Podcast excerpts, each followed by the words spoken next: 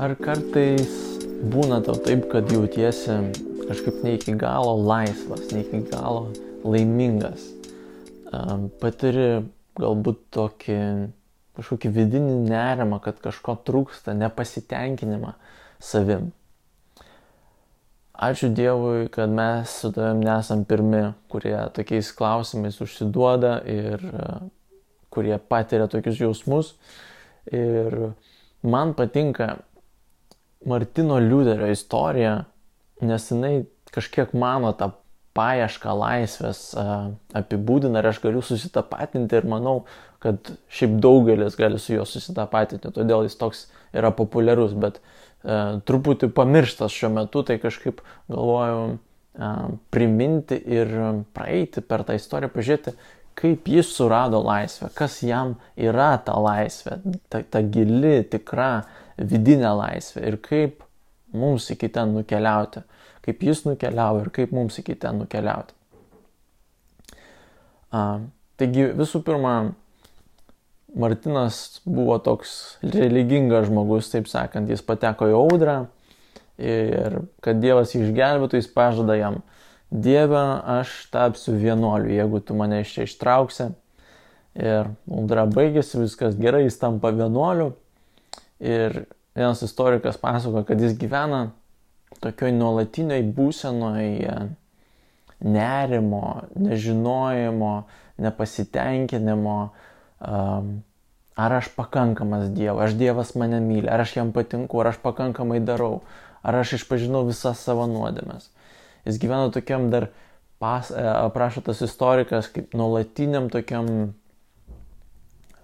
galvojame nu, apie išgelbėjimą ir pasmerkimą. Visą, sako, atmosferą to laiko, nežinau, ar tik jam, ar galbūt viso 16 amžiaus buvo persmelkta tokio uh, galvojimo ir jausmo apie išgelbėjimą arba pasmerkimą, apie sekantį gyvenimą, apie amžiną gyvenimą. Atrodė, kad šitas gyvenimas yra tik toks trumpas ir nereikšmingas, toks pasiruošimas amžinajam gyvenimui. Ir tai tikrai yra taip. Aš atsimenu, kai buvau dar nekrikščionis prieš aštuonis metus, aš taip negyvenau. Aš gyvenau, nesidomėjau, ta prasme, išgelbėmų, prakeikimų ar ten neišgelbėmų, kas man bus amžinai. Aš domėjusiu savo dabartiniais dalykais, maži džiaugsmai, maži skausmai, ieškojimas laimės, bet dabar negalvojant apie tą amžiną kažkokią perspektyvą. Dabar, kai tapau krikščioniu ir žiūriu atgal, į paskutinius aštuonis metus iš tikrųjų daug tokio to nerimo ir nesaugumo. Ir man patinka žodis vokiškas angst, tai toks daugiau nei baime, o toks nuolatinis nerimas ir nežinojimas ir nuolatinis galvojimas apie tai.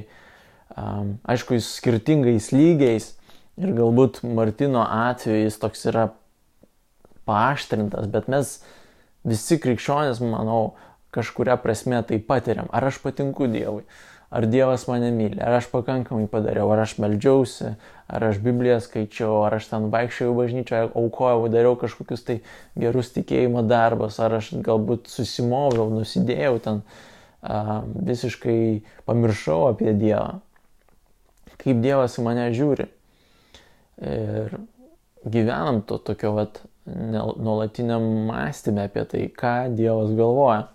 Nes realiai Dievas virš visko yra ir jis yra pats svarbiausias. Ir natūralu, kad Martinas, jis galbūt, kaip sakiau, paaštrintai apie tai mąstė, bet jisai uh, pasakojo, kad jo tas žmogus, kuriam jis išpažindavo savo nuodėmės, jis jam netgi pasakė, tu eik ir uh, atsipalaiduok biškai, kai kažką rimto padarysi, tada ateik, nes jis ateidavo jau dėl visų, žinai, mažiausių nuodėmių ir išpažindavo, nes nuolat norėjo tai būti geram santykiui su Dievu, ar aš patinku Dievu, ar aš, ar aš nenuklydau nuo to kelio. Ir kas jam atsitinka toliau, būnant va, tokiam nuolatiniam, nuolatinė įtampo, jis randa kažkiek atsipalaidavimo misticizme. Kas yra misticizmas? Tai yra, trumpai tariant, toks tokia teologija, toks mokymas, kad pagrindinis darbas, pagrindinis dalykas, kurį tau reikia daryti, tai yra mylėti Dievą. Mylėk Dievą ir viskas. Tik link to susikaupk. Ir viskas bus gerai. Ir taip, iš tikrųjų tiesa, mums pirmas įsakymas Biblijoje yra parašyta, Jėzų kai paklausė, koks pats didžiausias įsakymas, sako, mylėk Dievą visą širdimi, visų protų, visą sielą, visą savo jėgą. Ir sako, tas yra apibendrinantis toks įsakymas.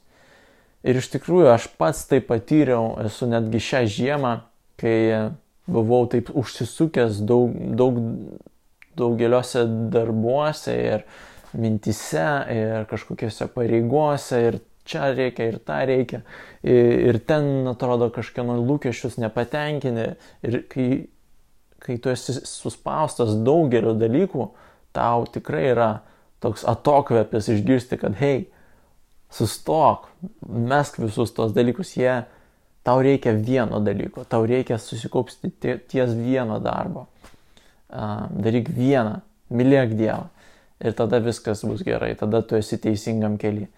Ir tikrai tas toks, taip sakant, minimalizmas, jis supaprastina ir duoda tokią atokvėpį, pagaliau galiu truputį nurimti, truputį bent jau savo dėmesį neišblaškyti tiek ir nesijausti tokiam išsunktam.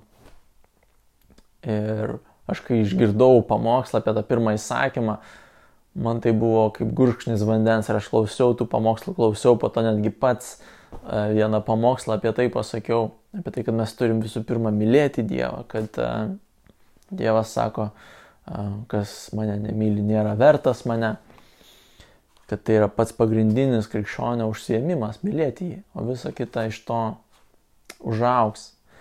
Bet kiekvienas, kuris eina to keliu, galų gale atsiriamia ir į dar vieną sieną, kuris, kuri užduoda tokį klausimą maždaug, ar tu tikrai myli Dievą? Ką reiškia mylėti Dievą? Ant kiek stipriai tu myli Dievą? Kaip tu pamatuoji tą savo meilę? Kaip, kiek dažnai tu myli savo meilę? Tu supranti, kad palauk, mylėti Dievą nėra taip lengva, iš tikrųjų yra sudėtinga, tai tavo, tu savo netobulą esybę negali mylėti tobulą Dievą, tu gali vienu momentu kažkaip savo širdį iškelti per ten vieną dieną, vieną giesmę, vienas laikotarpis kažkoks tai gyvenime, bet netgi per dieną, jeigu tai pažiūrėti mikroskopų, susifokusuoti, netgi per vieną dieną, kiek kartų mes pamirštam apie Dievą, mes nusisukam nuo Jo, mes mylim kitus dalykus.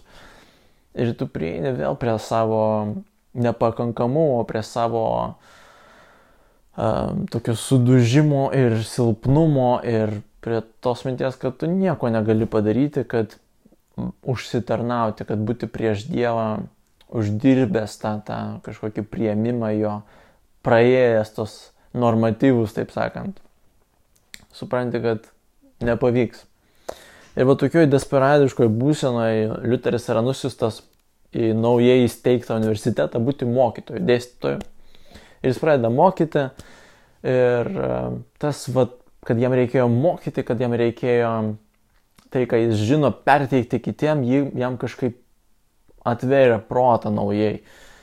Jis žinojo Biblijoje labai gerai, netgi beveik visą žinojo mintinai, kai kurie sakė, kad jis įstodamas būti vienuoliu jau žinojo visas psalmės mintinai. Tai wow. Aš gal vieną mintinai ar dvi žinau. Bet jis žinojo daugiau ir mes galim daug ką žinoti, bet kai jam sakė mokyk dabar, jam tas sako, aš tada giliau galbūt turiu suprasti. Ir jis užstrigo ant vienos eilutės, romiečiams mokydamas laišką. E, pirma, e, pirmam skyriui jis užstrigo ant 17 eilutės, kuris sako, joje apsireiškia Dievo teisumas. Dievo teisumas.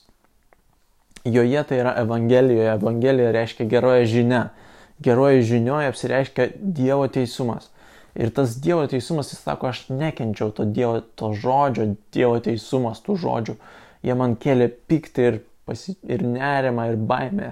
Ir aš tiesiog negalėjau nur, nurimti. Sako, kokia čia gera žinia tame, kad uh, Dievo teisumas apsireiškia. Man sako, būtų geriau, jeigu Dievo tas tobulumas, jeigu jo uh, jeigu jo tobulumas nebūtų apsireiškęs, jeigu Dievas nebūtų parodęs man ir reikalavęs to savo tobulumų, savo teisumų iš mane kažko, nes Dievo teisumas reiškia, kad jis turi viską, kas yra neteisinga, sutvarkyti, turi su to susidoroti, kam yra teismas, ne? Teisingumas, kad susidoroti su netiesa. Tai sako, kam man apreikštas tas Dievo teisumas, kam man apreikšti tie tokie tobuli įsakymai, įstatymai, kuriuo aš negaliu pasiekti, aš negaliu gyventi pagal tą teismą, pagal tą aukštąjį teismą, man tai yra blogoji žinia. Ir jis užstrigo tame ir mąstė, meldėsi, meditavo, kol, sako, pagaliau Dievas jam neapšvietė protą suprasti, kad uh, Dievo teisumas nekalba tie žodžiai apie kad Dievas parodė, koks jis yra teisus, bet čia kalbam apie tai, kaip žmogus gali būti teisus prieš Dievą, kaip žmogus gali turėti Dievo teisumas. Geroji žinia yra, kad mums apreikštas kelias, kaip mums turėti tą teisumą prieš Dievą, tą laisvę, kurią Liuteris ieškojo, tą būseną, kur tu galvoji, kad aš patinku Dievui, kad Dievas mane myli, kad Dievas manim patenkintas, kad jis neturi priekaišto man geroji žinia yra, kad mums apreikštas būdas a, turėti va, tokį santykį su Dievu, tą laisvę ir a, praeiti per jo teismą, per tą aukštą standartą mes galim praeiti. Ir jis skaito, kaip praeiti, jis sako, teisumas apreikštas iš tikėjimo į tikėjimą. Teisusis gyvens tikėjimu. Tas žmogus, kuris turi tą tobulą santykių su Dievu, gyvens tikėjimu ne savo darbais, ne savo šventumu, ne savo gerumu, bet tikėjimu. Vien toks pasyvus prieimimas, kad Dievas yra padaręs už mane tai, ką aš negalėjau padaryti ant kryžiaus, jis yra pasiaukojęs už visas mano nuodėmes, jis yra atlikęs tą teismo standartą, jis yra paėmęs tą baudą, tą, tą, tą, tą kalėjimą, kurį aš turėjau paimti už, už netitikimą standartui. Ir tokiu būdu aš esu išlaisvintas, neturiu eiti per tą visą teismą su Dievu, per tą visą agoniją, per tą kančią išsiaiškinimo, ar aš patinku jam ar ne. Aš esu laisvas prieš Dievą. Ir štai tas dalykas išlaisvino Liuterį ir jis išlaisvina mane šiandien. Ir taip įdomu, kad nuo, nuo šito dalyko, taip sakant, supaprastinant prasidėjo visa reformacija, kurios aš ir galbūt tu, jeigu tu esi tokioj protestantiškoj tradicijoje uh, užaugęs arba įėjęs į santykių su Dievu per, per, per, protestant, per protestantišką tradiciją, mes esam vaisiai reformacijos, bet netgi uh, būdami vaisiai šito vat, supratimo, laisvės atradimo tam tikro tokio mm, kažko pamiršto, kas buvo rašte, uh, mes vis dar pamirštam tai ir vėl užsisukam tose savo matavimuose, lygiavimuose, ant kiek aš užsitarnavau, ar aš pasimedžiau, ar aš paskaičiau, ar aš ten evangelizavau, ar aš kažką atvedžiau į bažnyčią, ar aš pasnikavau, ar aš skaičiau raštą ir taip toliau ir taip toliau. Ir mes galvojam, ar aš patinku Dievui, ar aš pakankamas, ar Dievas mane myli. Ir mes vėl užsisukam toj senoj savo plokštelį ir Liuteris sako, mes tokie prietaringi esam būtybės tokios, kad mes, mums natūralu yra tiesiog linkti į tą pusę, kad aš kažkaip maždaug galiu užsitarnauti e, iš, e, iš Dievo kažką. Kiek dabar tai neskambėtų ironiškai ir juokinga, kad netobula būtybė gali kažką iš Dievo tobulą užsitarnauti. Tai visiškas absurdas skamba. Bet kadangi viskas mūsų gyvenime tai veikia, mes ir Dievui tą, tą santykį taip primetam e, ir pamirštam, kad mes vien tikėjimu, kad jis yra geras, galim turėti santykių, kuris yra tobulas su juo. Taigi toks paraginimas mano yra stebėti savo širdį. E, nes tai yra labai subtilu, mes taip negalvom, kad jo čia dabar aš užsitarnausiu, bet per dieną jeigu jautiesi nepatenkintas, paklausk save, um, kodėl aš nesijaučiu nepatenkintas. Ar tai yra dėl to, kad aš kažkaip netitikau savo standarto kažkokio ten maldingumo, ar gerumo, ar e, santykio su Dievu. Arba jeigu jautiesi patenkintas savimi, gera diena, fainai, paklaus save, iš kur tas vat, saugumo jausmas ir džiaugsmas kyla. Ar kartais nėra iš to, kad tu kažką padarėjai gero ir patikai pats savo.